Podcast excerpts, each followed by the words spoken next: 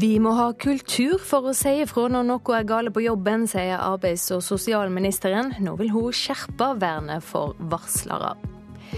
I dag er det nye selskapet Fly Viking på vengene for første gang. Vår reporter er på plass på flyplassen i Tromsø. Staten må trolig dekke ekstrakostnader på mer enn en halv million kroner etter at en straffesak måtte utsettes forrige uke. Årsaken var at en av de tiltalte lot være å møte opp. Og det ble tap da fotballandslaget møtte Nord-Irland i går kveld. Vi skal snakke om den trøblete starten for den nye treneren Lars Lagerbäck. Riktig god morgen i Nyhetsmorgenstudio denne mandagen, Silje Sande. Vi starter i dag med å høre at regjeringa altså vil styrke varslingsvernet ytterligere. Varslingsrutinene skal fra sommeren av også gjelde for innleggede arbeidstakere. Også arbeidsplasser med bare ti ansatte plikter å ha slike rutiner. Offentlige styresmakter skal ha teieplikt om hvem som varsler. Det gjør at arbeids- og sosialminister Anniken Hauglie tror at flere vil våge å si fra om kritikkverdige tilhøve. Ja, Vi er helt sikre på det. Det er klart at Når vi nå både inkluderer flere ansatte og sørger for at flere virksomheter også omfattes, så vil jo varslerens varslernes situasjon bedres betydelig. Eh, han blir redd for å miste jobben sin. Han blir sju. Slik beskrev politigranskeren advokat Jan Fogner situasjonen for varsleren Robin Schæfer. Polititjenestemannen som varsler om svak etterforsking av dødsfallet til Monika Sviglinskaja, da politiet konkluderte med at åtteåringen hadde tatt sitt eget liv. Denne veka sender arbeids- og sosialministeren framlegg til skjerping av varslervernet til Stortinget. Håpet er at vedtaket blir gjort før sommeren, og at lova trer i kraft 1.7. Det bør arbeidsgiverne merke seg. Altså, arbeidsgiver har jo et åpenbart ansvar i å både utarbeide rutiner, sørge for at rutinene er godt kjent i organisasjonen, men også at man har en kultur på det enkelte arbeidsplass i at det skal være legitimt å si fra om kritikkverdige forhold. Det er et ledelsesansvar. Og dermed håper hun å slippe å høre ledere beklage slik politidirektør Humlegård måtte gjøre etter varslersaka i Bergen. I denne konkrete saken har det ikke vært tilstrekkelig åpenhet for kritikk. Det er bare et halvt år siden Hauglie satte ned ei ekspertgruppe som skulle komme med nye forslag til vern for varslere. Likevel kommer lovforslaget alt nå. Det er første nestleder i Unio, Kjetil Rekdal, glad for. Men er det nok?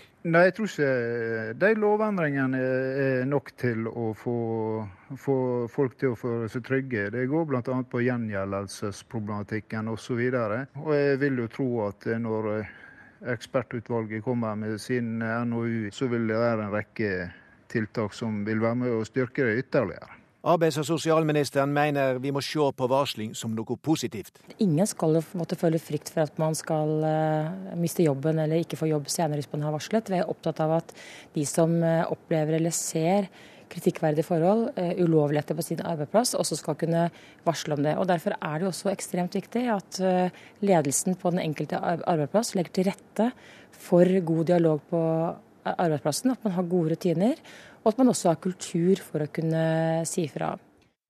Reporter Bjørn Atle Gildestad. I dag er det klart for første avgang for det nye flyselskapet Flyviking. Den aller første turen skal gå fra Tromsø til Hammerfest. Og reporter Eskil Meren, du er med oss fra flyplassen i Tromsø. Det er jo ikke så ofte det dukker opp nye flyselskap her til lands. Hvordan er det nå? Er det første flyet i lufta? Nei, det skulle egentlig gått klokka 5.50, men pga. dårlig vær i Hammerfest så er flyet fortsatt på bakken. Men det er borda, og døra er lukka igjen. Jeg står og ser på flyet nå. Det ser ut som det straks skal ta av. Hvem er det som står bak dette nye flyselskapet? Ja, Gründeren av flyselskapet er pilot Ola Gjæver. Han har jobba i over 30 år i Widerøe.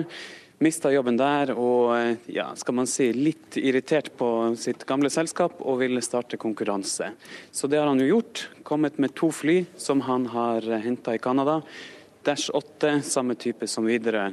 Han har forsøkt å komme seg inn på kortbanenettet eh, i anbudskonkurransen, men det har han ikke klart. Men nå har han altså klart å eh, ja, skaffe, eller selge egne billetter på eh, ja, hvor stor har interessen vært for å, å, fly? Hvor mye har, er det solgt av billetter? Nei, Jeg vet ikke helt hvor mange billetter som er solgt. I dag er det veldig mange pressefolk på den første flyturen. Eh, kun to passasjerer, det var litt spesielt. Det var to som var veldig interessert i nyoppstarta selskap, så de var de eneste passasjerene som ikke var, fly, nei, som ikke var pressefolk i dag. Men det har vært knytta stor spenning til hvor skal ruten gå, hvem, eh, eller, ja, hvem, hvor skal disse ruten gå, og, eh, og hvor skal de Ja. Så, men det er vanskelig å si eh, hvor disse rutene skal gå etter hvert.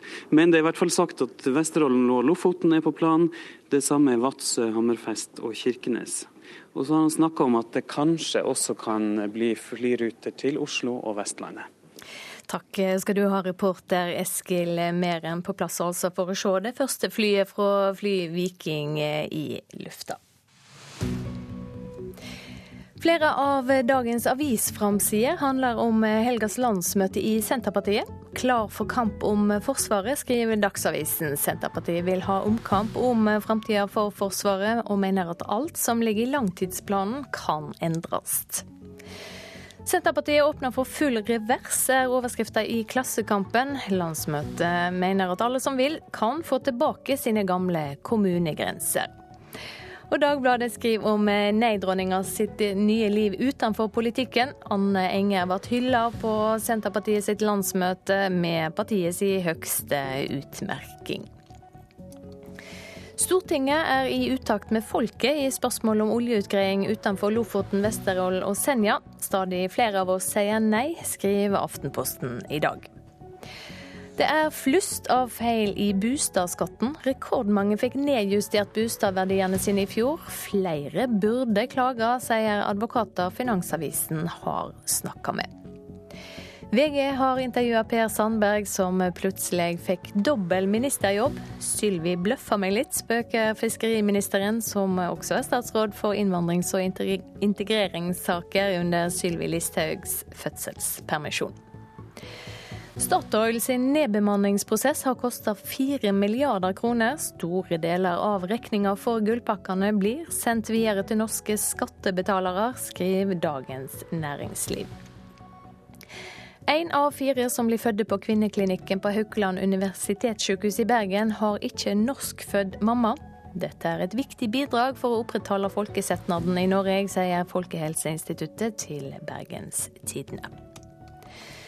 Flere albanske familier har søkt asyl i Norge i frykt for blodhevn, skriver Vårt Land. Barn i Nord-Albania lever livet sitt innendørs fordi de risikerer å bli drepne av en rivaliserende familie. Stadig flere blir tatt for mobilbruk i trafikken. Nordlys har vært med på kontroll, der de som ble avslørte for å bruke mobil under kjøring, måtte ut med 1650 kroner. Og en eh, fysioterapeut i Sør-Trøndelag er dømt til to års fengsel for å ha misbrukt stillinga si for å skaffe seg seksuell omgang med en pasient. Han har eh, ødelagt livet mitt, sier ei kvinne som er tilkjent 150 000 kroner i oppreising.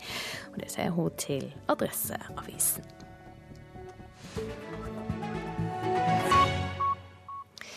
Så skal vi snakke om eh, fotball. For eh, det norske landslaget gikk altså på et 2-0-tap borte i VM-kvalifiseringskampen mot Nord-Irland i går kveld. Drømmen om EM-sluttspillet er knust. Det ble en dårlig start for den nye treneren Lars Lagerbäck, som var skuffa etter kampen.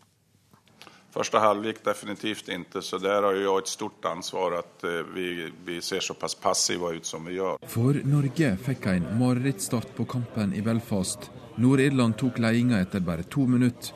Men Lars Lagerbäck har ingen forklaring på hvorfor de norske spillerne var avslått fra start. Det kan ikke jeg si. Jeg vet ikke det. Om det var at, man, eh, at det låser seg på noe sett. Vi kan jo spekulere mye som helst. Det får vi dypintervjue spillerne. Oftest bruker ikke de forklare hvorfor man er passiv heller, er min erfarenhet fra andre lag. Utan, eh, det, det, var sikkert en kombinasjon av mange ulike saker. 2-0 kom også etter svakt forsvarsspill av Norge. Kaptein Stefan Johansen tar selvkritikk. Vi ble enige om å gå ut og være eh, tålmodige og, og, ikke selge oss igjen mot én. Men jeg tror ikke vi klarer å finne den balansen der med at vi for det om vi skal gjøre det, så må vi være aggressive inn i presset når vi først går, for det om vi ikke skal selge oss. Og de får litt for god tid der. Og, og etter nok et norsk tap har NRKs fotballekspert Tom Nordli denne diagnosen over norsk landslagsfotball. Ja, den er dårlig. og så må vi huske på at han har de samme spillerne som den forrige. Så, så, det er ikke gjort i en håndvending. Så vi må kanskje innse at, vi, at ikke materiellet er eh, helt King Kong heller. Reporter Jørn André Lien. Og Mina Finstadberg, velkommen til oss her i Nyhetsmorgen. Du skriver om fotball i bloggen eh, Fotballdirektoratet. Hva syns du om den norske innsatsen i går? Det er klart, jeg er skuffa. Eh, jeg hadde liksom håp før kampen og tenkte at eh, det her er muligheten, nå må vi gripe den. Eh, men så er det klart at altså, Nord-Irland borte er en, det er en tøff kamp, liksom. Men jeg er skuffa. Jeg syns rett og slett ikke at de norske spillerne presterte bra nok. Ja, Tapet til trass, så du noe positivt? Altså jeg syns eh, Sander Berge var bra da han kom inn på slutten, eh, og viste kanskje hvorfor mange av oss mente at han burde ha starta kampen. Ehm, så er det klart at altså, eh, Jeg har trua på, på Lagerbäck som trener, men han kan jo heller ikke trylle. sant? Han har hatt kort tid på seg, blitt kasta rett inn i en kvalik hvor Norge allerede har et håpløst utgangspunkt. Og får denne kamp som første bortekamp, og får en liksom marerittstart med at Nord-Irland skårer før det har gått to minutter er klart at da, da blir det vanskelig. Eh, men, men, jeg syns rett og slett at det norske laget i går framsto sånn ustrukturert. Eh, ikke kontroll defensivt. Altfor store avstander i laget. Og så det jeg syns er veldig synd, er at vi ikke får utnytta de spillerne vi har som faktisk er i veldig god form. Da. Sånn som Joshua King, som har vært veldig god i Premier League i det siste. Eh, vi får ikke brukt de, den spisskompetansen han har. Da. Det syns jeg er veldig synd. Ja, hva er grunnen til det, tror du? Nei, altså Det blei rett og slett en, en, et kampbilde hvor, hvor, vi ikke fikk brukt styrkene til, til Joshua King. Altså Det ble mye lange baller oppover på de lave angrepsspillerne. Eh, det blei altfor stor avstand på midtbanen. Vi hang ikke godt nok sammen.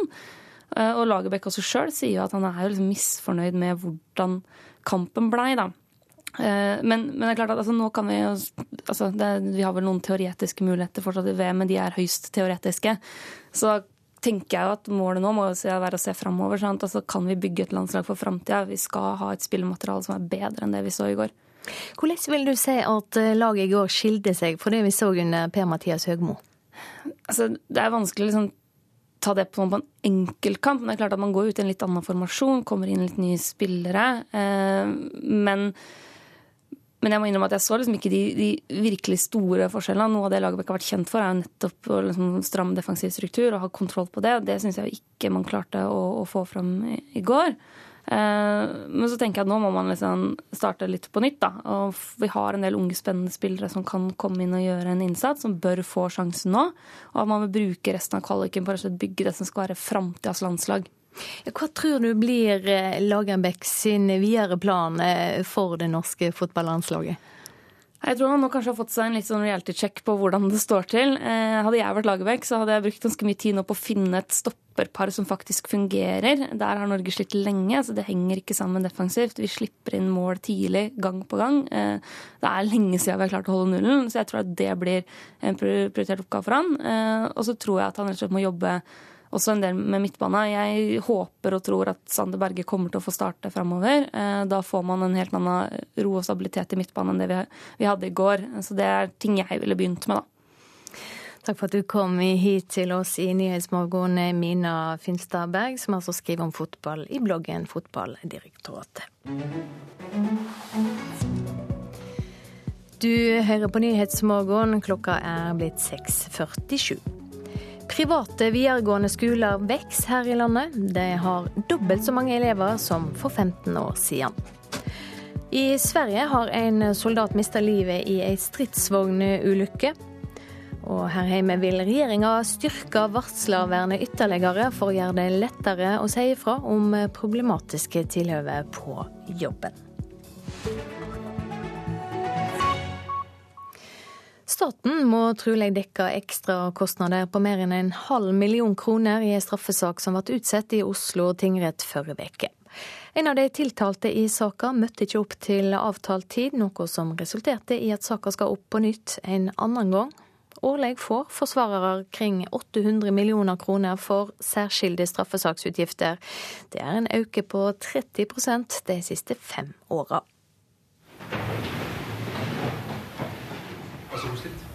Retten i sal 227 på tinghuset i Oslo er satt, men én av de åtte mennene som er tiltalt for å ha utført et grovt ran og flere ransforsøk i Oslo høsten 2014, er ikke til stede. Jeg syns for det første at det er veldig beklagelig. Dette er en uh, relativt uh, omfattende sak. I utgangspunktet berammet over, over et gitt antall dager. Det sier politiadvokat Erik T. Hansen. Politiet gjorde et forsøk på å finne vedkommende i to døgn mens retten hadde pause. Tredje dagen bestemte dommeren seg for å utsette saken, som skal berammes på nytt en annen gang. Uheldig, mener forsvarer for en av de andre tiltalte, Mariana Lozic. Det er klart at uh, Man lever jo i en ventesituasjon hele tiden. Uh, og Jo, raskere man får uh, ferdigbehandlet saker, jo bedre er det for alle parter. Og da spesielt for de tiltalte som er så unge som i denne saken her. I tillegg til de menneskelige aspektene, så betyr det å utsette en rettssak også ekstra kostnader. Og selv om ikke alle salærekrav er sendt inn, så kan man på bakgrunn av samtaler med forsvarere og domstoladministrasjonen si at en plass mellom 500 og 700 000 kroner skal utbetales. De går til åtte forsvarere, to politiadvokater, dommere og andre involverte i en sak som foreløpig ikke er blitt noe av. I en straffesak så er det staten som betaler nesten alle utgifter. En del går på denne statsbudsjettets post for særskilte straffesaksutgifter. En del går jo på bevilgningene til domstolene, andre til bevilgningene til eh, påtalemyndigheten. Det sier seniorrådgiver Ivar Arnstad i Domstoladministrasjonen. Han legger også til at den totale kostnaden for forsvarere på statsbudsjettets post for særskilte straffesaksutgifter øker hvert år. Ja, den er ca. 800 millioner kroner i året. Du kan se at den har økt med 30% på fem år. Det gir vel noen indikasjon om at eh, det er en viss stigning hvert år. Da. Men til tross for enorme kostnadssummer, så mener både Domstoladministrasjonen og politiadvokat Erik T. Hansen at de største kostnadene er de menneskelige. Det gjelder tiltalte, det gjelder folk som er berørt på annen måte, som ønsker å få denne saken avsluttet. Og som på mange måter også fortjener å få en eh, straffesak avsluttet eh, når den er berammet og de har kanskje innstilt seg på at dette er punktum. Reporter her Edin Babic. Det er eh, fullt opprør ved Den norske opera og ballett i Oslo i samband med at det snart kommer en ny, en ny operasjef. Om eh, fire måneder begynner irsk-britiske Annelise Miskimmen i stillinga. Men eh, hun har allerede greid å hisse på seg sangsolistene, fordi hun ønsker å slutte med faste tilsettinger. Sangerne sier de har vært lojale mot ledelsen i alle år, trass i mange interne konflikter, men eh, nå har de fått nok. De har laga ei protestside på Facebook. Nå har vi nådd et punkt hvor vi på en måte ikke kan sitte og ikke si noe. Og nå står vi sammen, alle sammen. Henrik Engelsviken er operasanger og tillitsvalgt ved Den norske opera og ballett. Fredag kveld var han med på å opprette Facebook-siden Pensjonsranet på Operaen. En protest mot egen ledelse som de ansatte mener ødelegger Norges største og dyreste kulturinstitusjon fra innsiden. Ja, altså Vi er veldig opprørte. Vi er redde for framtida. Ikke nødvendigvis for oss selv, men for neste generasjon. Kommende operatalenter, kommende sangere. To år er gått siden konfliktene rundt operasjef Per Boje Hansen ble så store at han ikke fikk fornyet åremålet sitt. Selv om det ennå er fire måneder til arvtakeren hans, den irsk-britiske Annelise Miskimmen, er på plass, har hun allerede nå rukket å hisse på seg operasolistene. Før det har Miss Kimman skrytt av den norske modellen, og har skrytt av det norske samfunnet, hvordan vi løser ting på tvers av resten av Europa, hvordan vi er verdens lykkeligste land, og er så veldig opptatt av å sette i gang og kunne få lov til å jobbe et sånt sted. Hvorpå det første å gjøre da, er altså å gå inn for å bryte arbeidsmiljøloven. Kort fortalt handler saken om hvor mange fast ansatte sangsolister operaen skal ha. Avtalen sier 15, men for et år siden tryglet ledelsen de ansatte om at det bare skulle være 10 i ett år, for å spare penger. Dette gikk solistene med på, i god tro på at det igjen ville bli 15 i 2017. Men så ble den nye operasjefen ansatt. Før hun har tiltrådt, så sender hun ut en mail hvor hun gir eh, klar beskjed om at hun ikke ønsker å ansette sangere fast lenger på operaen. Men tror du det er ulovlig? Det er ulovlig hvis ikke de har den særavtalen med oss. Den norske arbeidsmiljølov sier at eh, åremål det tilhører ledere. Det tilhører ikke vanlige ansatte. Sier tillitsvalgte Henrik Engelsviken. NRK har ikke lykkes å komme i kontakt med påtroppende operasjef Annelise Miskimmen. Derfor er det administrerende direktør Nils Are Lyse som svarer. Eh, vårt ønske om å gå over til bruk av åremålskontrakter fremfor livslange eller festekontrakter, er primært drevet av kunstneriske hensyn. Så det er den nye operasjefen Miss Kimmen som ønsker dette? Hun ønsker også dette, ja. Hva er fordelen med slike midlertidige kontrakter framfor faste ansettelser, slik dere ser det? Vi tror at vi får en bedre løsning over tid ved bruk av en miks av lengre og kortere åremålskontrakter. Men dette forutsetter at vi får en ny avtale med våre solister, som vi nå har startet en prosess på internt. Reporter Petter Sommer. Det samiske kunstmuseet i Tromsø, Sami Deida Musea, har blitt en publikumssuksess. 1300 samiske kunstverk er utstilte i det midlertidige museet, som bare er åpent i to måneder. Det hele skjer i lokaler til Nordnorsk kunstmuseum. Så langt har nesten 5000 tatt turen innom. En amerikansk hurtigruteturist lar seg fascinere over utstillinga i det samiske kunstmuseet i Tromsø. Ginger Summit fra San Francisco er sjøl kunstner, og liker spesielt godt tekstilarbeidene i utstillinga.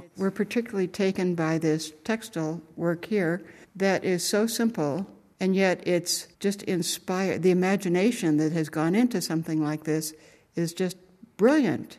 It's wonderful. Jeg har et uh, utvalg av uh, kunstnere fra hele Sápmi, egentlig. Direktør i uh, Nordnorsk kunstmuseum, Jeremy McOwen, tar oss med rundt i utstillinga i Tromsø. I en periode på to måneder er den permanente samlinga hos Nordnorsk kunstmuseum satt på lager, til fordel for 1300 samiske kunstverk. Prosjektet kalles Sami Daida Musea, og retter søkelyset mot det faktum at det per i dag ikke eksisterer et eget samisk kunstmuseum. Etter halvgått løp har nesten 5000 publikummere tatt turen innom, noe som er rekord for museet. Per i dag er dette da en anledning til å oppleve noe som mange kunne ønske var et hverdagsopplevelse, men per i dag er det en helt spesiell opplevelse. Så det er noe at man må få med seg når den ar har. Altså, jeg tar det bare som en bekreftelse på at uh, samisk uh, kunst er interessant, det er aktuelt, det tiltrekker. Og det er også et savn at den kunsten ikke har vært stilt ut og ikke har sitt eget hjem. Det sier direktør Anne-Mai Olli ved Riddo Duattar museum i Karasjok, som til vanlig oppbevarer kunstverkene på utstillinga i Tromsø. De høye besøkstallene viser behovet for et eget permanent samisk kunstmuseum, mener Olli. Og jeg har truffet på personer som har tatt ensærend turen til Tromsø for å få sett denne utstillinga. Så ja, det besøkstallet i Tromsø bekrefter at dette er et uh, samfunnsbehov vi har i dag. Hva syns du om at det ikke eksisterer et eget samisk kunstmuseum? Jeg syns det, det, er synd uh, at på en måte, når man ser på den institusjonshistorikken som har vært, at det kan forstår som at én ting er utelukket enn en, en andre, som er beklagelig. Og så satser vi heller på fremtiden og finner da gode løsninger, slik at vi ikke sitter med dette samme situasjonen 40 år før nå også. Uh, den amerikanske hurtigruteturisten rakk bare deler av utstillinga før turen videre langs norskekysten. Men nok til at nysgjerrigheten på å oppleve mer samisk kunst og kultur ble vekka. Very, very well chosen, and uh, it shows the Sami art, I think. I don't know the Samis, but I would like to know them after seeing this exhibit. Og det samiske kunstmuseet i Tromsø er oppe fram til 16. april. Reporter Rune Norgård Andreassen. Vi skal ha et eh, værvarsel nå. Østlandet, Telemark og Sørlandet får eh, fint vær, men eh, lokalt skodde på kysten. Det blir varmt, men litt lågere makstemperaturer enn i går. Fjellet i Sør-Norge. Nordvest periodevis sterk kuling utsatte steder. I kveld liten kuling. Enkelte snøbyger i vestlige områder nord for Filefjell. Ellers lettskyet opphold. Vestlandet sør for Stad. Nordvest bris. Frisk bris utsatte steder. For det meste skyer og lokal skodde. Litt yr eller regn i Sogn og Fjordane fram til i ettermiddag. Ellers opphold. Møre og Romsdal øker til vestlig stiv kuling, skyer og litt regn. I ettermiddag dreying til nordlig frisk bris på kysten, enkelte regnbyger. Trøndelag får øke til vestlig sterk kuling utsatte steder, skyer og regn. I ettermiddag dreying til nordvest liten kuling på kysten, regnbyger og snøbyger i høgda. Nordland øker til vestlig, senere nordvestlig stiv kuling utsatte steder. Regn, senere regnbyger. Nedbør som snø i høyere strøk, i kveld også i låglandet. Troms får nordvest liten kuling og snøbyger. Finnmark nordvest sterk kuling utsatte steder, minkende til liten kuling først i vest. Fra i ettermiddag nordvest stiv kuling utsatte steder og snøbyger. Spitsbergen får nordlig liten kuling utsatte steder. Noen snøbyger, vesentlig i vest og i nord. Så har vi temperaturlista. Vi tar med de temperaturene vi har fått inn fra klokka fem. Svalbard lufthavn minus 16, Kirkenes minus 3. Tromsø-Langnes minus 1, Bodø 0. Resten er plussgrader. Brønnøysund 7, Molde 10. Kristiansand-Kjevik 4, Gardermoen og Lillehammer 3, Røros 4 og Oslo-Blindern 3 grader.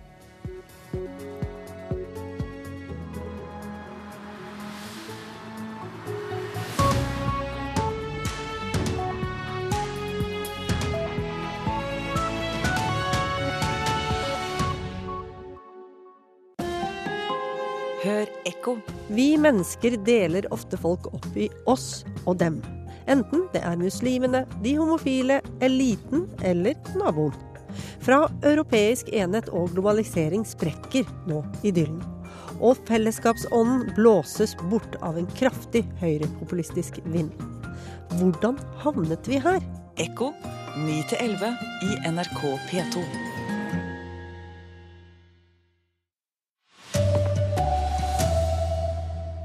Ansatte som sier fra om kritikkverdige forhold på arbeidsplassen, skal bli bedre ivaretatt. Det er ikke noe rush av homofile og lesbiske som ønsker å gifte seg i kirken. Her er NRK Dagsnytt klokka sju. Regjeringen styrker vernet av varslere. Rutinene ved varsling skal nå også gjelde for innleide arbeidstakere og arbeidsplasser med bare ti ansatte. Offentlige myndigheter skal dessuten holde varslerens identitet hemmelig. Arbeids- og sosialminister Anniken Hauglie håper det vil føre til at flere våger å si fra om kritikkverdige forhold på arbeidsplassen. Ja, Vi er helt sikre på det. Det er klart at Når vi nå både inkluderer flere ansatte og sørger for at flere virksomheter også omfattes, så vil jo eh, varslernes situasjon bedres betydelig. Arbeidsgiver har jo et åpenbart ansvar i å både utarbeide rutiner, sørge for at rutinene er godt kjent i organisasjonen, men også at man har en kultur på det enkelte arbeidsplass i at det skal være legitimt å si fra om kritikkverdige forhold. Det er et ledelsesansvar. En 23 år gammel mann er bekreftet død etter at en stridsvogn sank i en elv i Sverige i går kveld. En person ble raskt reddet ut, mens 23-åringen ble sittende fast i kjøretøy under vann i flere timer. Patruljen eh, var på øvelse da de navigerte feil. Enkelte kirker annonserer nå etter homofile par som har lyst til å gifte seg. Kirkemøtet vedtok 30. januar en ny vigselsliturgi som ønsker likekjønnede par velkommen til å gifte seg i Den norske kirke. Allerede fra 1. februar kunne man gifte seg, men det står slett ikke par i kø, forteller kapellan Per Erik Brodal i Bragernes kirke i Drammen. Vet du, per nå så vet jeg ikke om noen eh, som har meldt at de ønsker vielse her i Bragernes kirke. Nei, for det er slett ikke noen kø av homofile og lesbiske par som vil gifte seg i kirken. En uformell opptelling som NRK har gjort, viser at det kun er noen få par som vil gifte seg i kirken i år. Tunsberg bispedømme har tre, Oslo bispedømme fire, Hamar bispedømme seks par, og i Nidaros bispedømme har de ikke hørt om noen. Men det føres ingen statistikk over dette. I menighetsbladet til Bragernes menighet har de valgt å annonsere at likekjønnede par kan gifte seg i kirken deres. Det har vært viktig for oss å kommunisere ut at eh, her er alle velkommen. Reporter Karoline Bekkelen Haug. Passasjerene på et eh, nattog på vei fra Narvik til eh, Luleå måtte i natt evakueres med beltevogner. Toget kjørte seg fast i en snøstorm utenfor Kiruna like ved grensa. Passasjerene satt fast i toget i seks timer før de ble hentet ut, men de hadde strøm, vann og senger. NRK Dagsnytt, Anders Borgen Werring.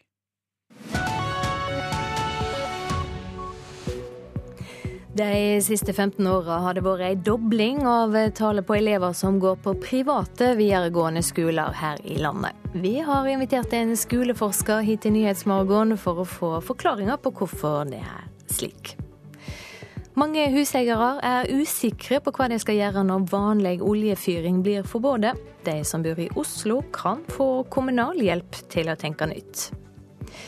Det er ingen utsikter til fred i Jemen. To år med krig har fått katastrofale følger for eh, de sivile. Og I Tyrkia er det frykt for at president Erdogan ødelegger for landet med de mange skyldningene om at europeiske land og regjeringer oppfører seg som fascister og nazister. De siste 15 åra har altså tallet på elever ved private videregående skoler dobla seg. Det viser ferske tall fra Statistisk sentralbyrå. Philip Strømstad, som er elev ved Oslo private gymnasium, tror han lærer mer ved å gå på en privatskole. Jeg tror det kan tilby meg mye flinkere lærere og elever som, sånn som meg, da, har valgt å gå her. Eh, og det at man har valgt å gå her, eh, fører til at man jeg har lyst, da. Lyst til å lære. Skolen han går på ligger midt i Oslo, en kort spasertur under Aker Brygge. Stine Marie Gaustanes Hansen bruker én time hver dag på å komme seg til skolen, og hun valgte Oslo fremfor. Alternativene mine var eh, enten å gå i kommunen min Røyken eller å dra til Drammen. I et 15-årsperspektiv har antall elever som velger privat videregående dobla seg. Men siden 2012 har andelen ligget stabilt på rett over 8 at elever velger privat videregående i storbyene, bekymrer stortingsrepresentant for Ap, Martin Henriksen.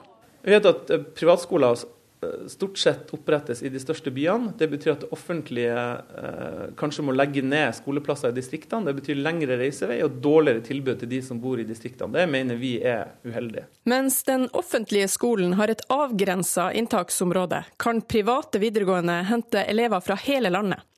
I 2001 valgte 8300 elever en privat videregående. I 2016 var tallet 16 400.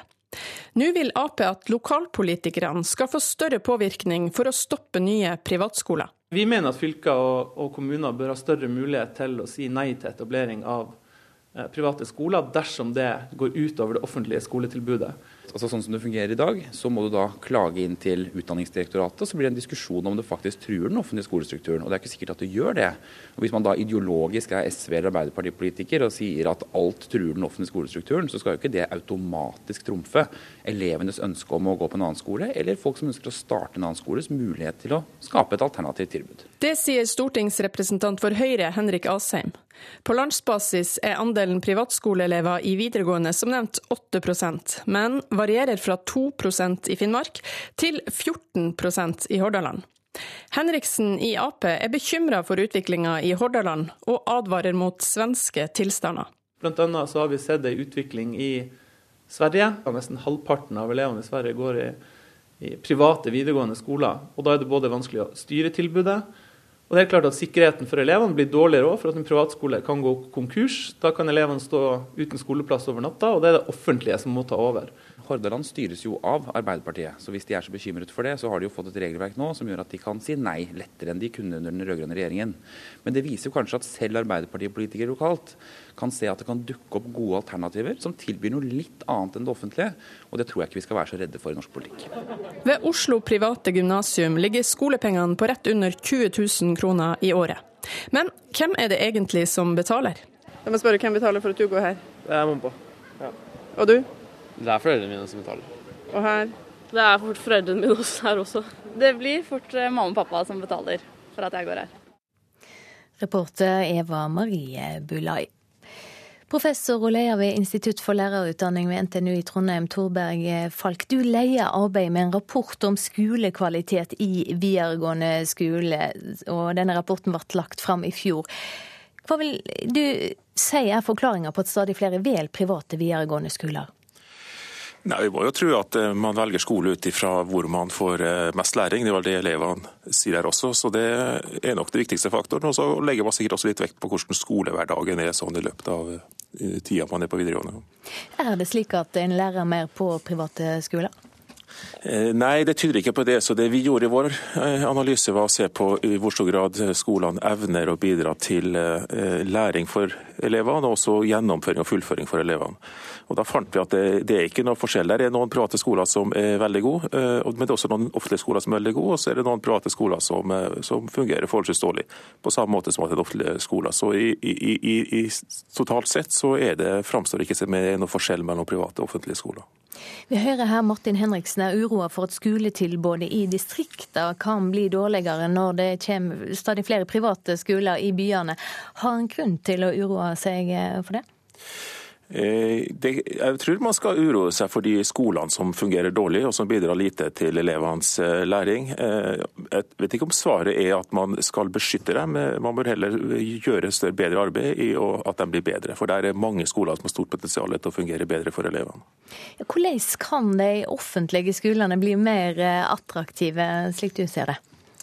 Eh, nå har vi jo tidligere ikke hatt analyser på hvor, eh, hvor gode de offentlige skolene er i forhold til de private, og de private markedsfører seg jo selvfølgelig. Eh, så den analysen av den type vi gjorde i fjor, tror jeg bidrar til et litt mer nøkternt syn på hvor dyktige de private skolene er i forhold til de offentlige, sånn stort sett. Men, men samtidig også vil jo et bilde på hvilke offentlige skoler som ikke fungerer så godt, og som det kan være grunn til å prøve å velge seg bort ifra. Men det høres ut som det er god grunn til å gjøre hjemmeleksene for å si det slik før en skal eh, velge skole, enten det er eh, privat eller offentlig?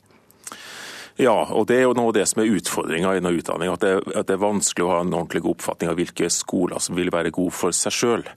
Eh, og, og, da får man valg på en del andre eh, hva man kan ha mistanke om. Så eh, jeg tror svaret på mye av dette er, er at myndighetene kommer med mer informasjon om hvor, hvor godt de enkelte skolene fungerer. I Sverige er det slik at eierne kan ta ut utbytte fra drifta av private skoler. Det kan en ikke i Norge. Men tror du det kan bli aktuelt at eh, enkelte kan tjene seg rike på skoler i Norge? Med Det norske systemet er det nok ikke lett å tjene seg veldig rik, men, det, men skolene, eh, de private skolene har jo bestemt jo ganske mye sjøl. Lønnsnivå f.eks. bestemmer man jo i all hovedsak sjøl, så noe muligheter vil det alltid være så lenge man driver privat. Takk skal du ha for at du var med oss her i Nyhetsmorgen, professor ved NTNU i Trondheim, Torberg Falk.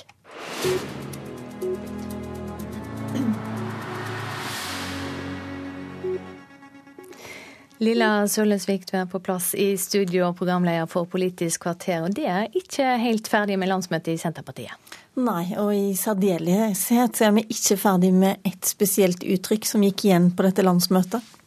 Og kjære venner, fire år med sentralisering. Sentralisering hadde gjort for dagens sentraliseringsregjering. Sentralisering, sentralisere, sentralisering. Sentraliserer, sentralisering. Sentralisering, sentralisering. er nok. Og det var bare henta fra landsmøtetalen til Trygve Slagsvold Vedum. Men regjeringen generelt og landbruksministeren spesielt mener sentraliseringskritikken både er uriktig og urettferdig. Vel blir de store byene større, men skoler og gårdsbruk legges ned i distriktene. Men den utviklingen den starta ikke med de blå-blå for fire år siden. Og så skal vi også ha besøk av Bård Vegar Solhjell i Politisk kvarter i dag. Han går ut av Stortinget med en sterk uro, som han har skrevet bok om i Politisk kvarter om litt over en halv time. Oslo kommune tilbyr heimebesøk med tips og råd for huseiere som har oljefyring. Om tre år så blir det forbudt å varme opp huset med vanlig fyringsolje. Eivind Thomsen er en av de som har takka ja til kommunal hjelp i samband med omstillinga. Anders Brage Mikkelsen besøker Eivind Thomsen i det oljefyrte huset på Røa i Oslo. Her, Her er ja. ny brenner og ny, alt nytt automatikk og alt sånt. 75 år gamle Thomsen har undersøkt litt sjøl, men han vil gjerne ha råd fra fagfolk om alternativ før forbudet kommer om tre år. Har du sånn kombikjel som er både el og olje, eller er det ja. kun ja, det er både el og olje, så du kan velge. Ja. Så hvis uh, strømprisen er gunstig, så kan du bare kjøre. Yes. Ja. Ja. For da har du jo um, mulighet til å bare gjøre det. Mm -hmm. Men hvor mye, hvor mye, energiforbruk er det? Hvor, hvor, mye går det ned når du går over på jordvarme? Eh, to tredeler er sånn uh, snittregel. Okay. Eh, så du, du putter 1 kWt inn i varmepumpen, og så henter den uh, to gratis ute fra bakken, og så får du tre inn. Får jo, du får jo dette i sånn, det som heter luft til vannanlegg også, Ja. du har en, bare en sånn utedel med vifte som henter varme fra uteluften. Ja. Eh, Hvor de- effektivt er det i forhold til jordvarme? Nei, det er mindre effektivt, fordi du ønsker jo å hente um, mest mulig varme uh, når det er kaldest mulig ute. Mm. Og det blir litt sånn motsigende. Når det er minus 20, så trenger du mest mulig varme inne, og da skal du prøve å hente ut fra Yes. luften som er minus 20. Mens uh, bakken holder holder. seks grader i snitt i året rundt. Det var etter forslag fra Venstre at Oslo kommune lanserte Oljefrihjelpa i fjor. Og Siden den gangen har Mikkelsen og kollegene hans vært på 160 heimebesøk, og flere kommer til å få tilbud, sier Anders Mikkelsen. Vi gir eh, råd og veiledning eh, i valg av alternativ løsning til eh, fossil olje. Og det mm, tilbudet går ut til alle private boliger i Oslo som har fossil olje i dag. Dette er her hvor sjåføren fyller på olje, og det andre er en lufteventil. NRK har tidligere fortalt at det går tregt med å få folk til å finne alternativ til dagens oljefyring. Man må gå aktivt til verks, sier miljøbyråd Lan Marie Noen Berg i Oslo. Jeg tror at staten eh, eller andre kommuner enn Oslo også bør gå aktivt til verks og ta kontakt med folk og gi råd om hva som kan være alternativene til oljefyr i deres hjem. Radiator over hele huset. Har fungert aldeles fenomenalt. Selv om oljefyren fungerer bra, er Thomsen og kona innstilt på å investere i hvert fall et par hundre tusen kroner i alternativ oppvarming. Jeg vil vel eh, tro det at om, om en viss tid så er her bergvarme, og så er det da siste gangen jeg ser en oljebil. Reporter Kjartan Rørslett. Du hører på Nyhetsmorgen. Klokka er straks 7.15.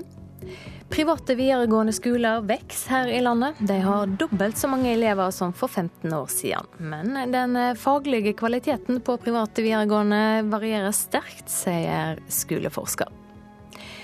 Regjeringa vil styrke varslervernet ytterligere for å gjøre det lettere å si ifra om problematiske ting på jobben. Og om litt skal vi høre at diabetessyke kjenner seg stempla som late og dumme. Nå vil jeg ikke lenger at vi skal bruke omgrepet livsstilssykdom. Men først nå skal det handle om Jemen. Krigen der har nå vart i to år. De sivile følgene er katastrofale, og ei politisk løsning ser ut til å være langt unna. Vår utenriksmedarbeider Sigurd Falkenberg Mikkelsen orienterer. Det er en av disse markeringene man gjerne skulle vært foruten. I går var det to år siden krigen i Jemen startet. Tusenvis av sivile er drept, og nesten 19 millioner mennesker trenger humanitær hjelp. Og selv om krigen allerede har vart i to år, kan den godt vare lenger.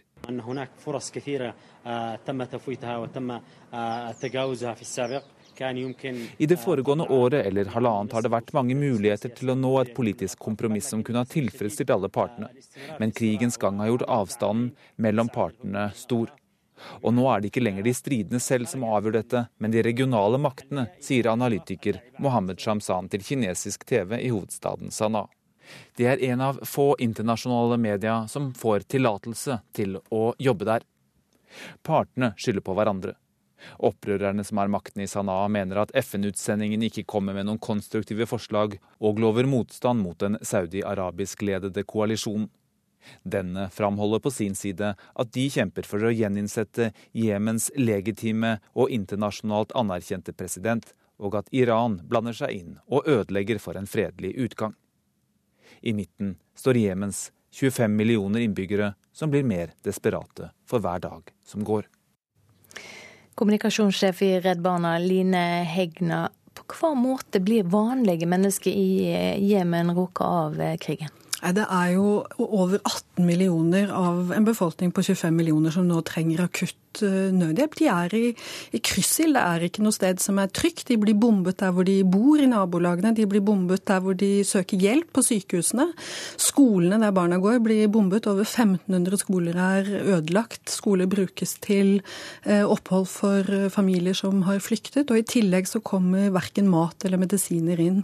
Så eh, det er millioner av mennesker, millioner av barn, som nå sulter. Og landet står rett og slett på kanten til det som altså den, det vi kaller hungersnød, som er den mest alvorlige formen for sult. Men allerede i dag så dør altså barn av mangel på mat og medisiner i Jemen. Hvert tiende minutt dør et barn av sykdommer som kunne vært forhindret hadde det ikke vært krig.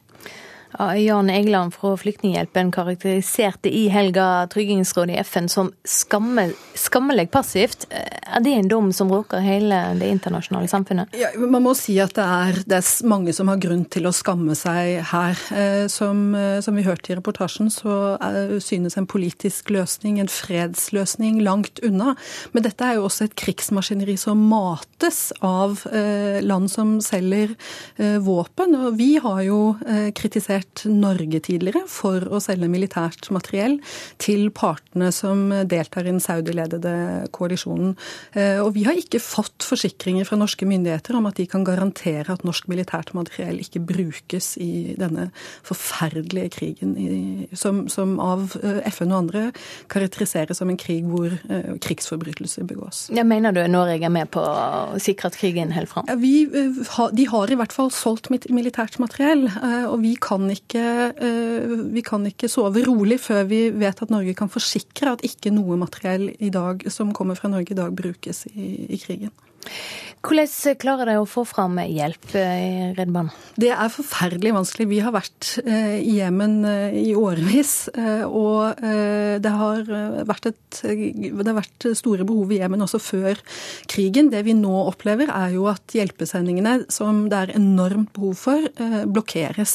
Den saudi-arabisk-ledede koalisjonen har holdt våre skip unna den viktigste havnen i månedsvis, slik at forsyninger har ikke har kommet fram. Så det er selvfølgelig eh, forferdelig eh, å eh, stå overfor enorme lidelser og enorme behov, og så aktivt blir motarbeidet. Så nå må forsyninger og nødhjelp få komme inn i landet. Saudi-Arabia har altså innført en havneblokade. Hva ansvar har opprørsregjeringa? Her er det selvfølgelig ansvar på, på begge sider. Eh, men det er jo den saudiarabisk-ledede koalisjonen som med sin massive militærmakt og massive bombing som, eh, som har et hovedansvar her for at eh, forsyninger ikke kommer inn i landet. Og nå flytter også kampene seg slik at det som på en måte har vært Vi er redd for at, at blokaden i havnen blir enda mer total, og at det blir enda vanskeligere å få inn nødvendig materiell. Takk for at du kom hit til Nyhetsmorgen, Line Hegnar fra Redd Barna.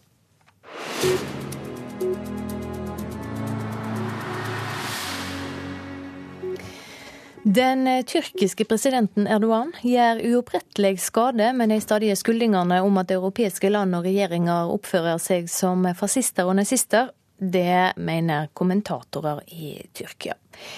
I går holdt eh, presidenten fram med ordkrigen sin mot eh, Tyskland, Nederland og også Sveits. Dere er fascister. Vær utilpass så mye dere vil med omtalen av nazipraksisen, sa Tyrkias president i en tale i Istanbul i går. Og så langet Erdogan ut mot flere europeiske land, og spesielt Sveits, siden sveitserne nylig tillot en demonstrasjon der kurderne viste sin støtte for nei-siden i den kommende folkeavstemningen i Tyrkia. At president Erdogan fortsetter ordkrigen med begreper som nazister og fascister, bekymrer mange tyrkere. De frykter skaden denne ordbruken fører til på lang sikt. Jeg er ikke sikker på om Erdogan vet hva nazistene egentlig har gjort. Om han hadde visst det, så ville han ikke brukt dette språket. Det sier Barish Yarkadash til NRK. Han sitter i parlamentet for opposisjonspartiet CHP. Når du anklager et land for å være nazi bare fordi ministeren din ikke får reise inn i landet, hvordan skal vi da omtale det nazistene virkelig gjorde, spør han. Ve Alman halkının Tyskerne har tatt et oppgjør med sin nazifortid, sier parlamentarikeren, som mener at Erdogans retorikk skaper fremmedfrykt. Unfortunately, the Nazi crimes, the Nazi history, the Holocaust are not being taught in, in Turkey as it should be. And Turkey has not been a victim of the Nazi crimes. So I believe they are unaware of uh, the accusation they are making uh, towards European leaders and European governments. Jeg tror ikke tyrkiske politikere forstår rekkevidden av denne retorikken. Nazitiden, nazistenes forbrytelser og holocaust undervises ikke slik det burde i tyrkiske skoler. Dessuten var ikke Tyrkia utsatt for nazistenes okkupasjon og overgrep, slik europeiske land var. Det sier Gurkan Ötzeran, journalist for nettavisen Dukus 8.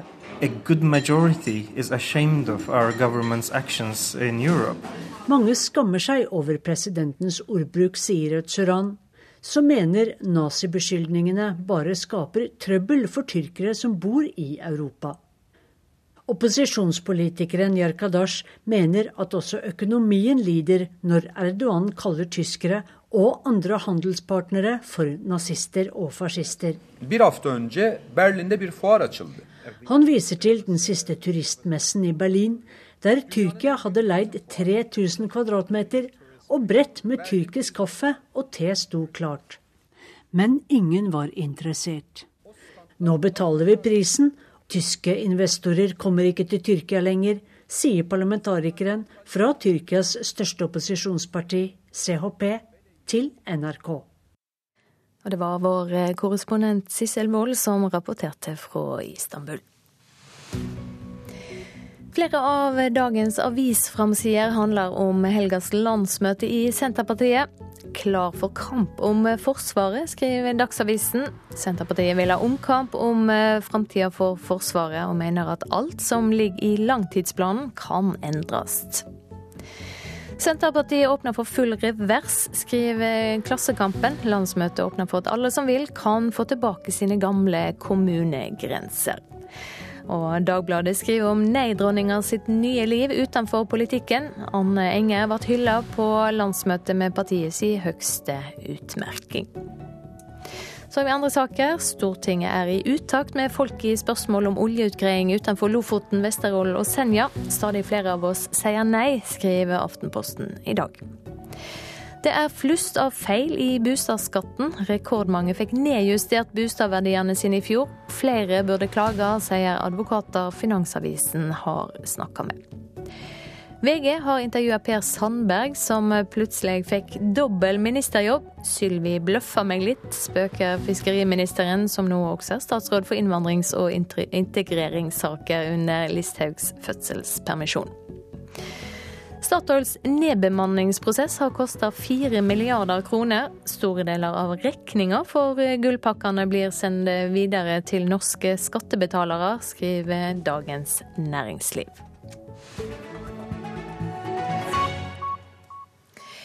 Mange som har diabetes, føler seg stempla som late og dumme. Det sier fylkesleder i Diabetesforbundet i Buskerud, Mai Kvernstuen.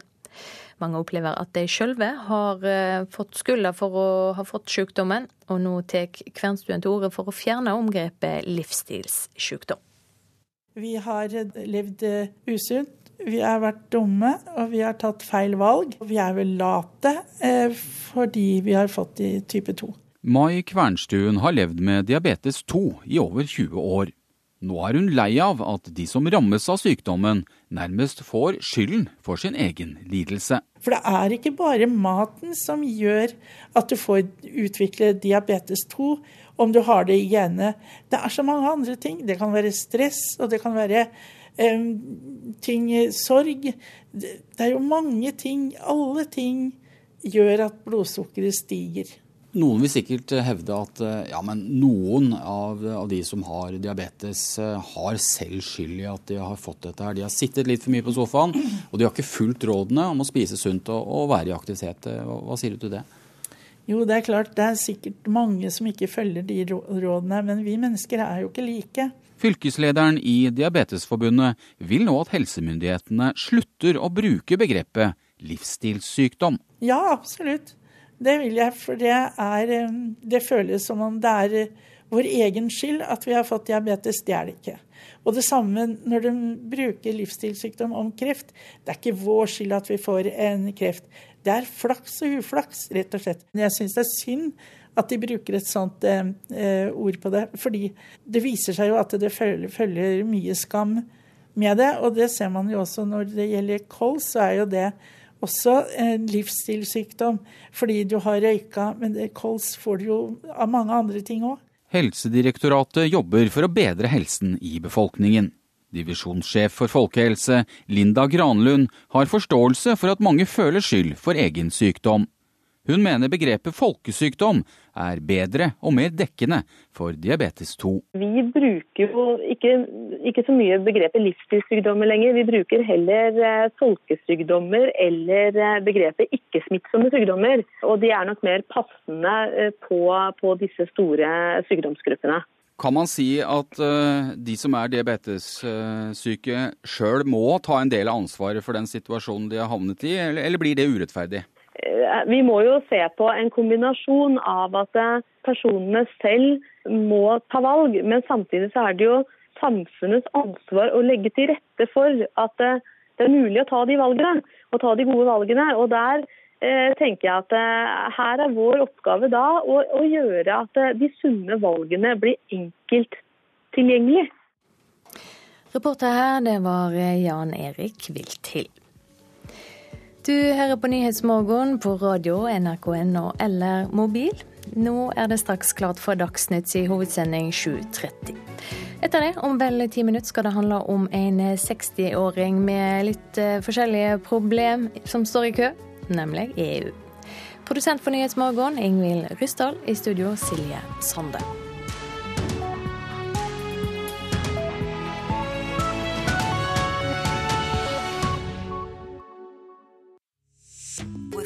Hvorfor tenker vi som vi gjør? Hvorfor, hvorfor tror vi at vi har rett? I dag, for første gang på ukedagene, Verdibørsen klokka 13. Om identitet, eksistens og ideologi. Hvorfor, hvorfor velger vi forskjellig? Verdibørsen klokken 13 til 14 i NRK P2.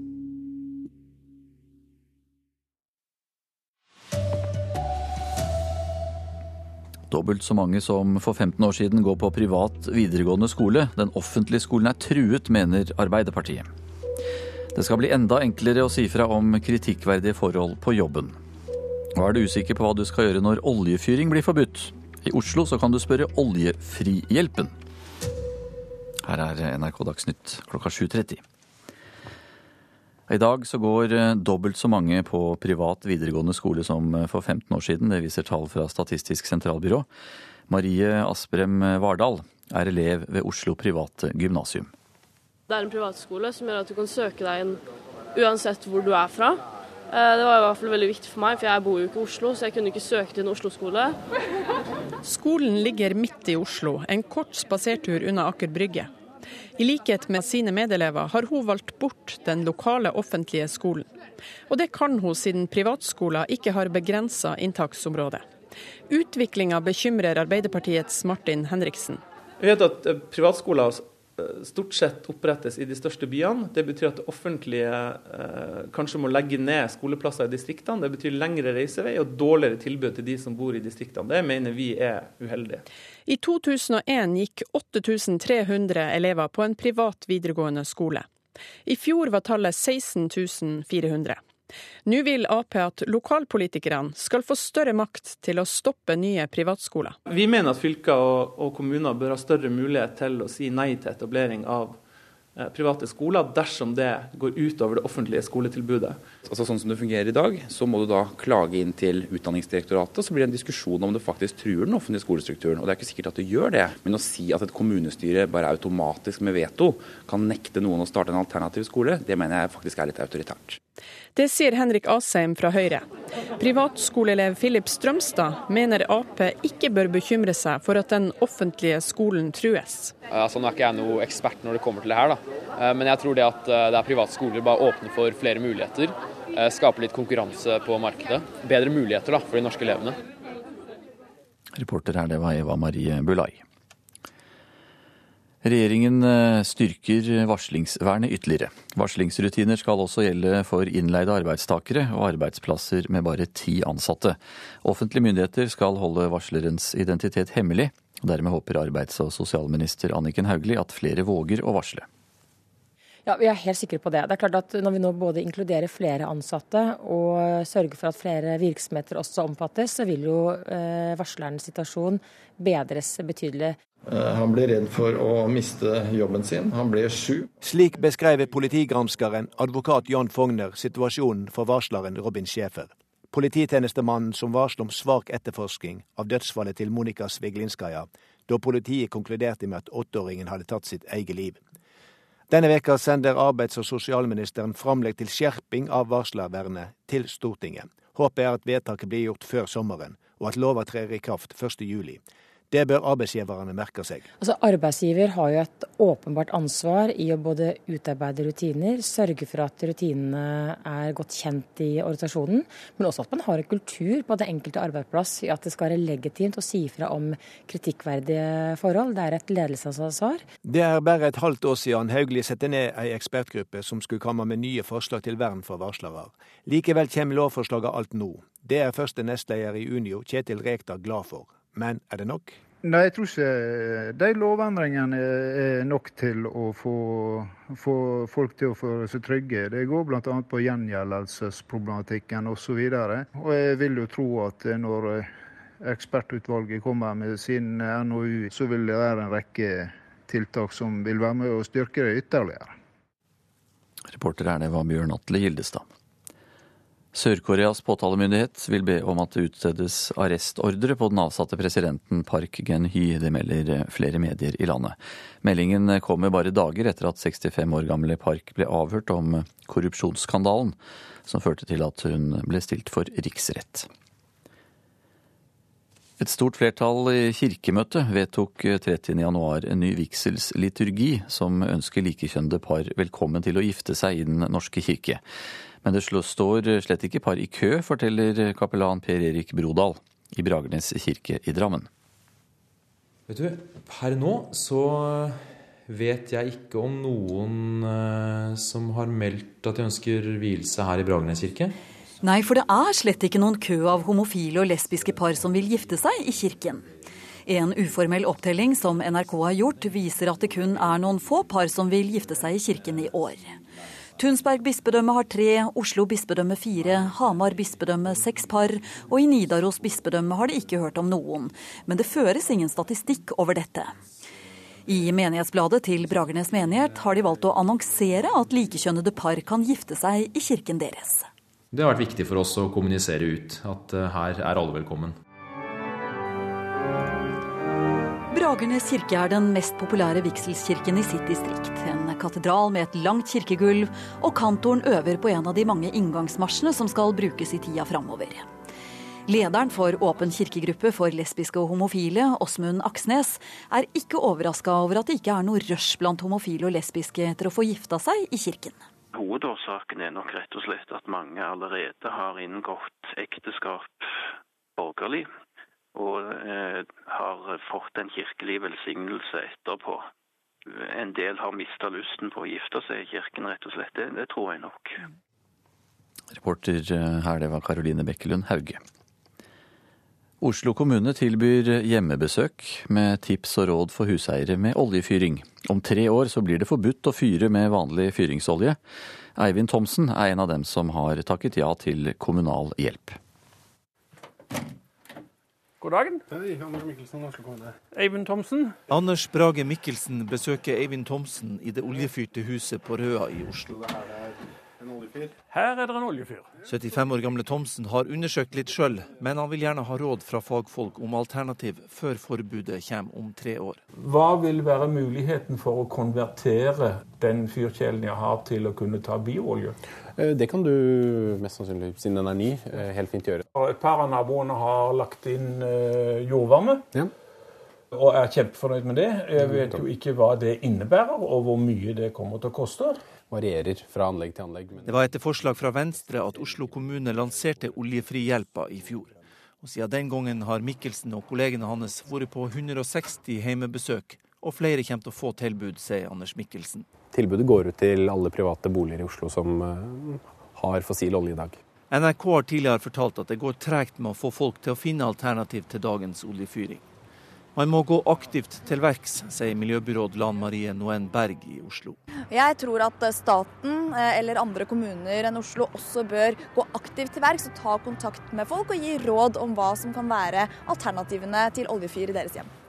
Jeg vil vel eh, tro det at om, om en viss tid så er her bergvarme. Og så er det da siste gangen jeg ser en oljebil. Det sa Eivind Thomsen. Reporter her, det var Kjartan Røslett. Det ble ingen eh, suksess for det norske fotballandslaget i Belfast i går kveld. Nord-Irland vant 2-0 i VM-kvalifiseringskampen, og den nye treneren, Lars Lagerbäck, fikk en svak start. Ingen god debut for Lars Lagerbäck, mannen som ble kjempehelt på Island. Det norske landslaget skuffet stort i Belfast i går kveld. Allerede etter 1 12 minutt så skåret Nord-Irland, og da ble det vanskelig for Norge. Dermed fikk vi dessverre ingen Lagerbäck-effekt. Nå er VM-toget gått, og Norge må se fram mot EM i 2020. Kampen i går kveld var skuffende. Det sier både NRKs ekspert Carl Petter Løken og spissen Joshua King. Så Det er selvfølgelig ikke bra nok av, av Norge, og vi sliter nok en gang da med, med, både forsvarsspill kollektivt og individuelt. og Det har vi, har vi ridd oss som en mare egentlig gjennom hele kvalifiseringen. Så det vi nå må gjøre, er jo å se framover. Eh, VM-kval nå og VM-sluttspillet som kommer da i, i, 2018, det er eh, borte for Norges del. Nå må vi se fram mot neste EM-kvalifisering, og det er jo tross alt det positive, da, for å se det sånn. At Lagerbäck nå ikke trenger å stresse med at nå skal vi til et VM-sluttspill. Nå er det EM-sluttspillet da i 2020 som gjelder. Og da har vi relativt god tid til å bygge det laget, og det må vi bruke resten av kvalifiseringen på. Selvfølgelig surt at det nesten er umulig nå å komme til, til VM, hvis ikke umulig teknisk sett. Men selvfølgelig vi Eh, Lars tok over i en vanskelig situasjon, og jeg tror han var obs på det. Og det var alle gutta obs på, men det er fortsatt, eh, det er fortsatt eh, ny kvalik som starter inn om ikke så lenge. Så vi, vi, må bare ta de neste kampene vi har igjen, og bruke det som, som trening og prøve å bygge opp laget og bare bli bedre.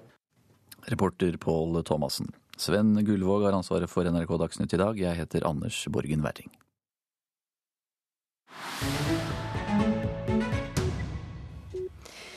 Problemer står i kø for et EU eh, e som i helga markerte sin 60-årsdag i Roma.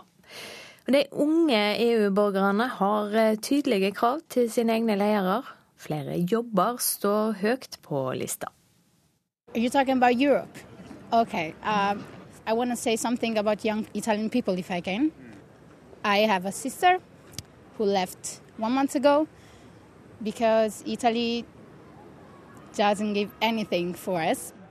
Isabella Palmisano sitter på en sten som kan være like gammel som Roma selv, i skyggen av Colosseum.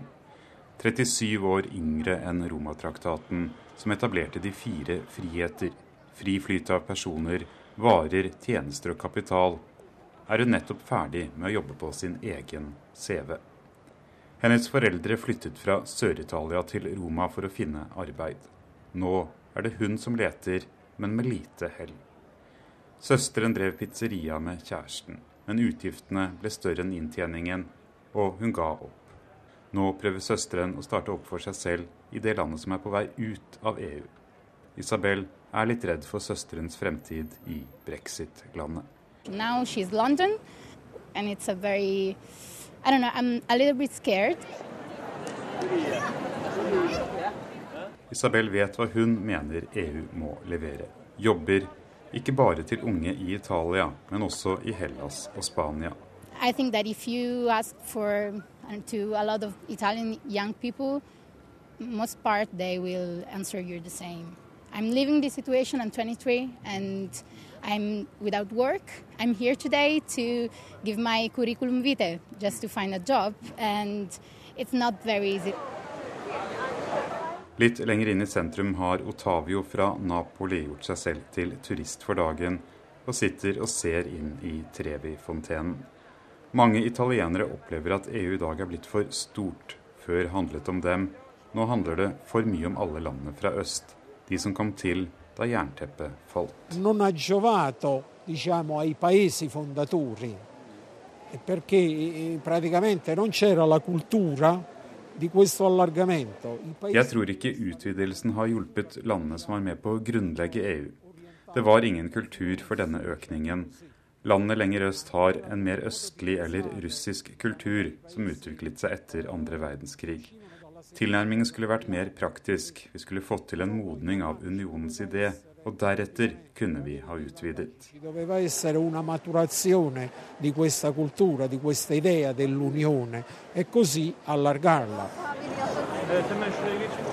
I 1957 var Italia det tredje største av de seks landene som sluttet seg til Romatraktaten. Den gang var Tyskland delt. Øst-Tyskland og land som Ungarn, Polen og Romania del av Sovjetunionens militære og økonomiske system.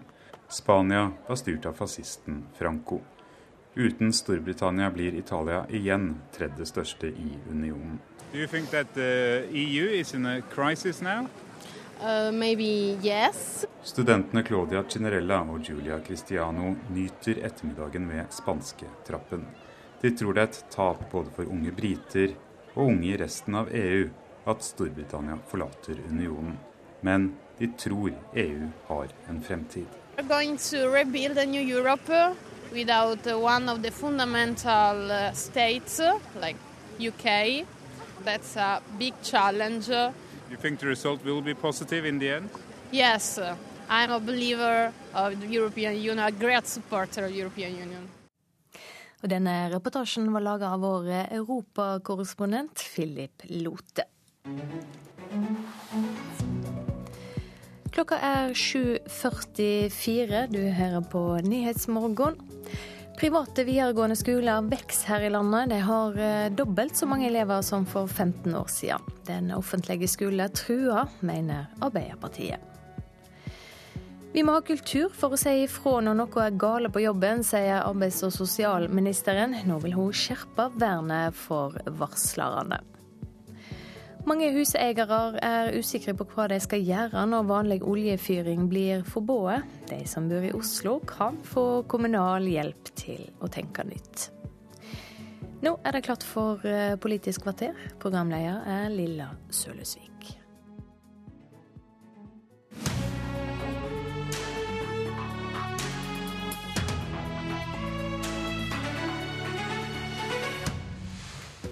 Et lite stikkord til de som ikke fikk det med seg i helga. Og kjære venner, fire år med sentralisering. Sentralisering har vi gjort for dagens sentraliseringsregjering. Sentralisering, sentralisere, sentralisering. Sentraliserer, sentralisering. Sentralisering, sentralisering. er nok. Men eh, speil, speil på veggen der, hvem er sentraliseringsversting i landet her? I hvert fall ikke denne regjeringen, mener denne regjeringen. Senere i Politisk kvarter skal vi få besøk av Bård Vegar Solhjell, som har skrevet bok om uroen han tar med seg ut av Stortinget. Men vi starter altså med en annen uro. og den som har hørt starten, fikk kanskje en antydning. For eh, Jon Georg Dale, landbruksminister fra Frp, du er bekymra for det sentraliseringsstempelet Senterpartiet gir denne regjeringen. Hvorfor det? Er det sånn at du bestrider at sentralisering foregår, eller bestrider du at det er så ille som det Vedum vil ha det til? Nei, Jeg er ikke så bekymra for at Vedum prøver å stemple denne regjeringa for å drive med sentralisering. Men det jeg er bekymra for, er at Senterpartiets motstand mot nødvendige endringer tror jeg distriktene blir taperen på. Det er stadig flere som er født og oppvokst i distriktene, som flytter ut og tar utdanning. Skaffer seg høy kompetanse, vil jobbe i et spennende fagmiljø så vet vi at hvis de skal få lov til det, og velge å flytte tilbake til distriktene og bruke den utdanninga og den kompetansen de har erfart, så framstår ikke det spesielt attraktivt hvis du sitter på et kontor alene med den eneste som er fagansvarlig i din kommune eller i en annen del av offentlig sektor. Og da tror jeg at hvis vi skal få fornuftige viktige arbeidsplasser i distriktene, hvis vi skal ha folk til å ha lyst til å reise tilbake igjen dit de kommer fra, så tror jeg at det er helt avgjørende at vi lykkes med å omstille oss i tida framover. Og det er forferdelig synd at Senterpartiet velger å opponere mot alle slike grep som en vet er nødvendig, hvis vi skal klare å bremse på den utviklinga vi har sett i Norge over flere tiår. Så du bestrider for så vidt ikke at sentralisering foregår? Nei, Det er jo ingen tvil om at stadig flere flytter mot de store byene. Det ser vi i Norge, det ser vi internasjonalt. Dette vi, har vi sett i Norge over tid. Og Da er utfordringa hva er det som skal tilsi at den politikken som har vært ført, mens dette er pågått i tiår etter tiår, er det som plutselig snur det. Jeg tror ikke det skjer. Jeg tror det må nye grep til.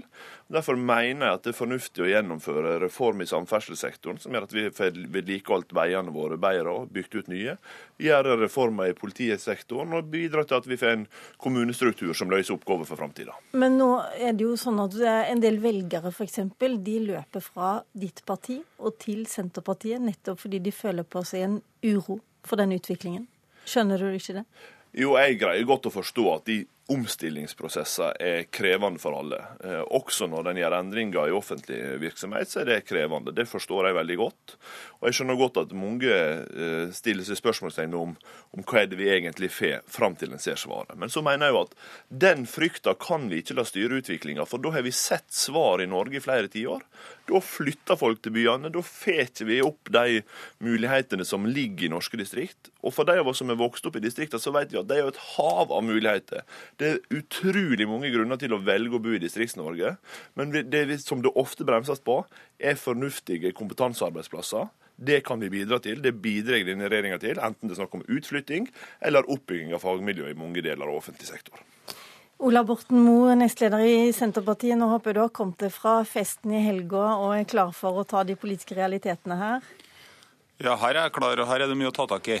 Ja, og da lurer vi først og fremst på hvordan skal dere klare å bevare distriktene ved å stå ganske stille og ha det sånn som nå?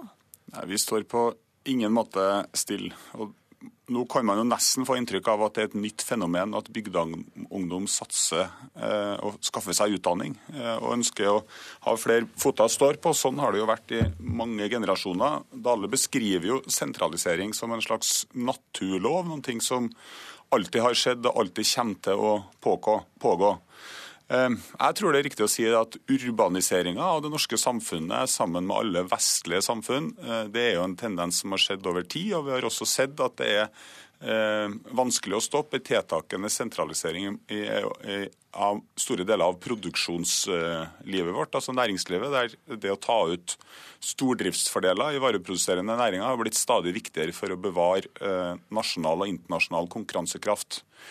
Det vi eh, mener ikke er en naturlov, og der regjeringa tar feil, det er jo den politisk bestemte sentraliseringa. Altså at man bevisst benytter eh, statsmakta i Oslo til å flytte oppgaver, flytte makt eh, fra regionene og fra distriktene og inn til Oslo. At man flytter makt fra politisk folkevalgte organ og inn i store byråkrati, og at man, eh, sam, at man samler funksjoner på stadig færre steder. La meg ta to konkrete eksempel. Eller jeg kan slå dem sammen til ett. Fordi ja, det pleier ja, fordi at, ja, Nærpolitireformen til regjeringa innebærer jo i praksis 126 nedlagte tjenestesteder over hele Norge. Samtidig så har man dobla størrelser på Politidirektoratet i Oslo til over 300 stykker. Og før helga så kom nyhetene om at Dales regjering bruker 12 milliarder i året på å kjøpe konsulenttjenester til Ernst Young og Price Waterhouse Coopers. Det er like mye penger som vi bruker på å støtte opp under matproduksjon eh, i Norge. Og kanskje burde man brukt noen flere kroner på dem som produserer mat til 150 kroner timen, istedenfor konsulenter i Oslo til 2500-3000 kroner okay, timen. La oss ta tak i det siste først. Senest i dag så er bønder ute i nasjonen reagerer på at det er 85 millioner mindre til bønder på, i, i, tilskudd til bønder på Vestlandet og, og i Nord-Norge. Kanskje de pengene kunne gått der framfor til alle disse konsulentene, Dale? Det viktige nå er at jeg er alltid mer opptatt av resultat av politikk enn retorikk. Og resultatene i landbrukspolitikken nå er at inntektene vokser mer under denne regjeringen enn under Senterpartiet i regjering. Færre bønder legger ned under Senterpartiet i regjering. Mindre, flere bruk eh, eller arealer blir holdt oppe i større grad enn under forrige regjering. Så jeg mener at eh, vi har ikke noe å skjemmes for på det området. Tvert imot så viser landbrukspolitikken eh, også at vi styrker distriktene. Og det, det som er viktig å huske på, det er at Senterpartiet er på sitt beste når de tar distriktsbefolkninga på alvor. Men Senterpartiet er også på sitt dårligste når de tror at hvis vi bare lar være å gjøre endringer, så klarer vi likevel å løse utfordringene. oss- Utfordringa for distriktspolitiet var at politifolk jobba mandag til fredag mellom åtte og fire. I altfor stor grad. Det har flere eh, aktører vist over tid. Og da er utfordringa vi er nødt til å gjøre grep som gjør at politifolk er på jobb den tida kriminaliteten foregår. Og da er spørsmålet, Når Senterpartiet er mot nærpolitireformen, når de er mot kommunereformen, når de er mot reformer i samferdselssektoren, hvor lenge tror egentlig Senterpartiet at denne motstanden vil nytte? Hvor lenge tror de det går før de faktisk er nødt til å gjøre nye grep? Jeg tror de forregner seg. Jeg har lyst til å spørre Borten Moe, fordi eh, spørsmålet er jo hva er deres alternativ til alle disse reformene som dere er imot? Og det dere i hvert fall har vedtatt, i motsetning til de reformene eller de endringsforslagene du var i Politisk kvarter og snakka om i forrige uke, Borten Moe, om elbil og innføring av skolepenger for utenlandske studenter, så fikk du altså flertall for en tillitsreform som eh, jeg er litt usikker på hva eh, egentlig betyr. Er ikke det bare en fin tittel på å si at lærere, helseansatte og kommunestyrene skal få holde på som i dag og bestemme sjøl hva de vil? Nei, man bestemmer jo altfor lite i dag. Det er jo det som er eh, problemet. Eh, En veldig stor andel av den tida en lærer bruker, eller en doktor eller en sykepleier, går jo til å dokumentere og til å dokumentere det man driver på med, og rapportere det oppover i systemet. Og det er tillitsreformen vi er nødt til å ha istedenfor å legge til grunn at man skal måle og rapportere og kontrollere og sammenligne, som krever både veldig mye tid og et veldig stort statsbyråkrati på toppen, så må vi ha tillit til at folk faktisk ønsker å gjøre en god jobb der de er, og så må vi måle det aller mest nødvendige. Og Det ville ha vært vårt alternativ i i vårt alternativ innenfor politi- og justissektoren Legg ned Politidirektoratet, flytte den nødvendige samordninga inn i Justisdepartementet sånn som det var før, og så bruk pengene ut i distriktene altså politidistriktene ut i landene der folk bor, og sørge for at det er tilstedeværelse av politi Men trenger du en helga. tillitsreform for å si at de skal få bestemme sjøl? Ja, du må nesten gjøre det. fordi at Hvis vi skal fortsette sånn som i dag, og sånn som denne regjeringa har forsterka gjennom hele fireårsperioden, så, eh, så styrer man jo gjennom bakspeilet. Man styrer jo offentlig sektor gjennom hele tida å skulle måle. Hele tida at alle som jobber der, er nødt til å dokumentere. Og mindre og mindre av den faktiske tida ressursene går til tjenesteyting. Nå, nå sier Dale at, at at vi er nødt til å legge ned tjenestested for å ha tilstedeværelse av politi. Vel, det er jeg veldig usikker på. Det som har skjedd der jeg bor, det er at Heimdal politistasjon, som ligger i Trondheim, den skal dekke området mellom Heimdal og Hjerkinn, og Heimdal og Tynset i helgen. Det er altså to og en halv time hver vei i et område av Norge der det bor ganske mye folk. Dette her er ikke tilstedeværelse. Eh, Dale, jeg har lyst til å spørre deg mot slutten her nå. Eh, Det er vel sånn at eh, din iver etter sentralisering av f.eks. store bruk også gir deg problemer i landbrukspolitikken. Du har en jordbruksmelding som er utsatt og utsatt igjen fordi KrF og, og eh, Venstre stopper det. Min iver etter å få gjort reformer også i landbrukssektoren, som gjør at bøndene får produsert mer mat i Norge, som har vært et felles politisk mål for samtlige partier over tid. Min iver etter å få gjort det på et vis som gjør at bøndene øker inntektene sine, den står ved lag. Og så er jeg helt sikker på at Stortinget lander det på et vis som gjør at regjeringa får nye gjennomslag, og bidrar til å ta landbruket også i rett retning i tida framover. Det styrker distriktene. Hjertelig takk. Jeg har eh, ingen tvil om at begge vil styrke distriktene på hvert sitt vis. Eh, Takk Jon Georg Dale, og takk til Ola Borten Moe.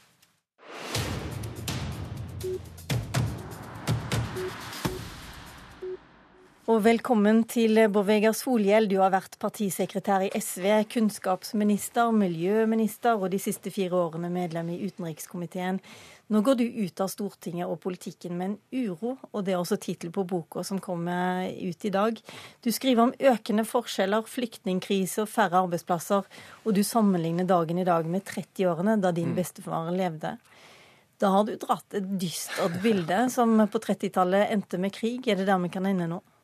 Det er egentlig en ganske optimistisk bok, men det er jo åpenbare likhetstrekk. Det har ikke jeg oppdaga, for å si det sånn. Nei, eh, men eh, litt uro. Jeg jeg tror man må forstå problemene før man kan eh, peke på løsningene. Det er likheter. Stor arbeidsløshet, land i Europa som går i autoritære retninger. Men jeg har veldig tro på at vi har en større evne til å slå det tilbake enn vi hadde den gangen. Og, og jeg trekker jo inn min egen eh, familiehistorie og lar den være et bakteppe, for den endte jo òg med en flott framtid eh, for vår familie. Og jeg, jeg tror mennesker og politikken har evne til det i dag òg. Hvorfor må du skrive en bok om de store problemstillingene? Kan du ikke holde på med det i Stortinget? Jo, jo altså, det, jeg, det var et fantastisk sitt på Stortinget, men hvis jeg skulle si en ting jeg har mangla, så er det at politikken handler om det som er stort og viktig, og ikke bare om det som er ja, kanskje litt mindre og middels viktig. Jeg, eh, det siste utenriksdebatten i Stortinget, Børge Brende, siste gang i denne perioden kom for å få snakke om Trump og brexit og Europa og alt det som skjer rundt oss er veldig viktig, så var det nesten ingen i salen og null journalister som hørte på. Eh, noen uker før det så var det ulvedebatt, og jeg deltok, for jeg er interessert i det. Men da måtte jeg avlyse en avtale om kvelden, fordi debatten tok hele dagen. Og det er klart, litt større oppmerksomhet om det, det som virkelig er stort, det er noe jeg savner i politikken. Men er ikke det fordi at man føler at man ikke får gjort noe med det? Jo, jeg tror at uh, politikken har så sterke rammer at mange politikere søker mot de små og konkrete tingene man kan få gjort noe med. Og så ligger vi unna å diskutere de mange tingene som over tid drar i en retning, og det som virkelig former samfunnet. Og jeg vil kanskje prøve å motvirke det litt. Men et dystert bilde du trekker opp i denne boka, eh, det er bl.a. Om, eh, om sysselsetting at robotene kommer. Mm. Vi skal ikke forvente full sysselsetting lenger. Og da kommer du med et litt overraskende svar. Ikke generelt i samfunnet, men for en SV-er, nemlig borgerlønn. Hvorfor det? Jeg foreslår et forsøk med det, sånn som bl.a. Finland gjør en del av europeiske byer. Uh, og det er fordi at uh, vi det kan gå inn i en periode der mange flere står utenfor arbeidslivet. Da bør vi iallfall leite etter løsninger som er sånn at uh, alle i større grad kan være innafor, og, at ikke vi får et systematisk klasseskille. Det kan være en dårlig idé, fordi folk da ikke vil ha incitament til å jobbe. Men det er mange forskere som nå peker på det motsatte. Kanskje fører det faktisk til at uh, de i større grad vil jobbe litt, og at du kan bygge ned voldsomme skiller. Men det er egentlig, hele ideen med boka mi er å prøve ut nye ideer og, og utfordre politikere nå til å ligge noen skritt foran de tøffe tidene som jeg tror vil eh, møte oss. Jeg tror politikk på det beste den prøver ut nye ideer når samfunnet endrer seg. På det verste så blir man stående fast i fortida. Og jf. den debatten vi har hatt, du trenger ikke så store reformer? Nei, altså, jeg, Eller er det jeg, jeg, det vi trenger? Jeg synes jeg har sett, altså, Vi kommer til å ha, få store endringer, jeg er for det. Men jeg syns ofte jeg har opplevd i politikken at du man kaster inn en veldig stor endring uten egentlig å ha prøvd den ut i små skritt før. Jeg har blitt mer og mer tilhenger av å forsøke ting gjøre forsøk, forske på det, før man setter det ut i livet. Jeg tror vi med fordel kunne, noen av de store reformene vi har vært om i Norge, kunne gjort eh, det på den måten. Takk skal du ha, Bård Vegar Solhjell, og gratulerer med den nye boka di. Jeg må si takk for eh, oss også her i Politisk kvarter, som i dag var ved Lilla Sølhusvik. Hør flere podkaster på nrk.no podkast.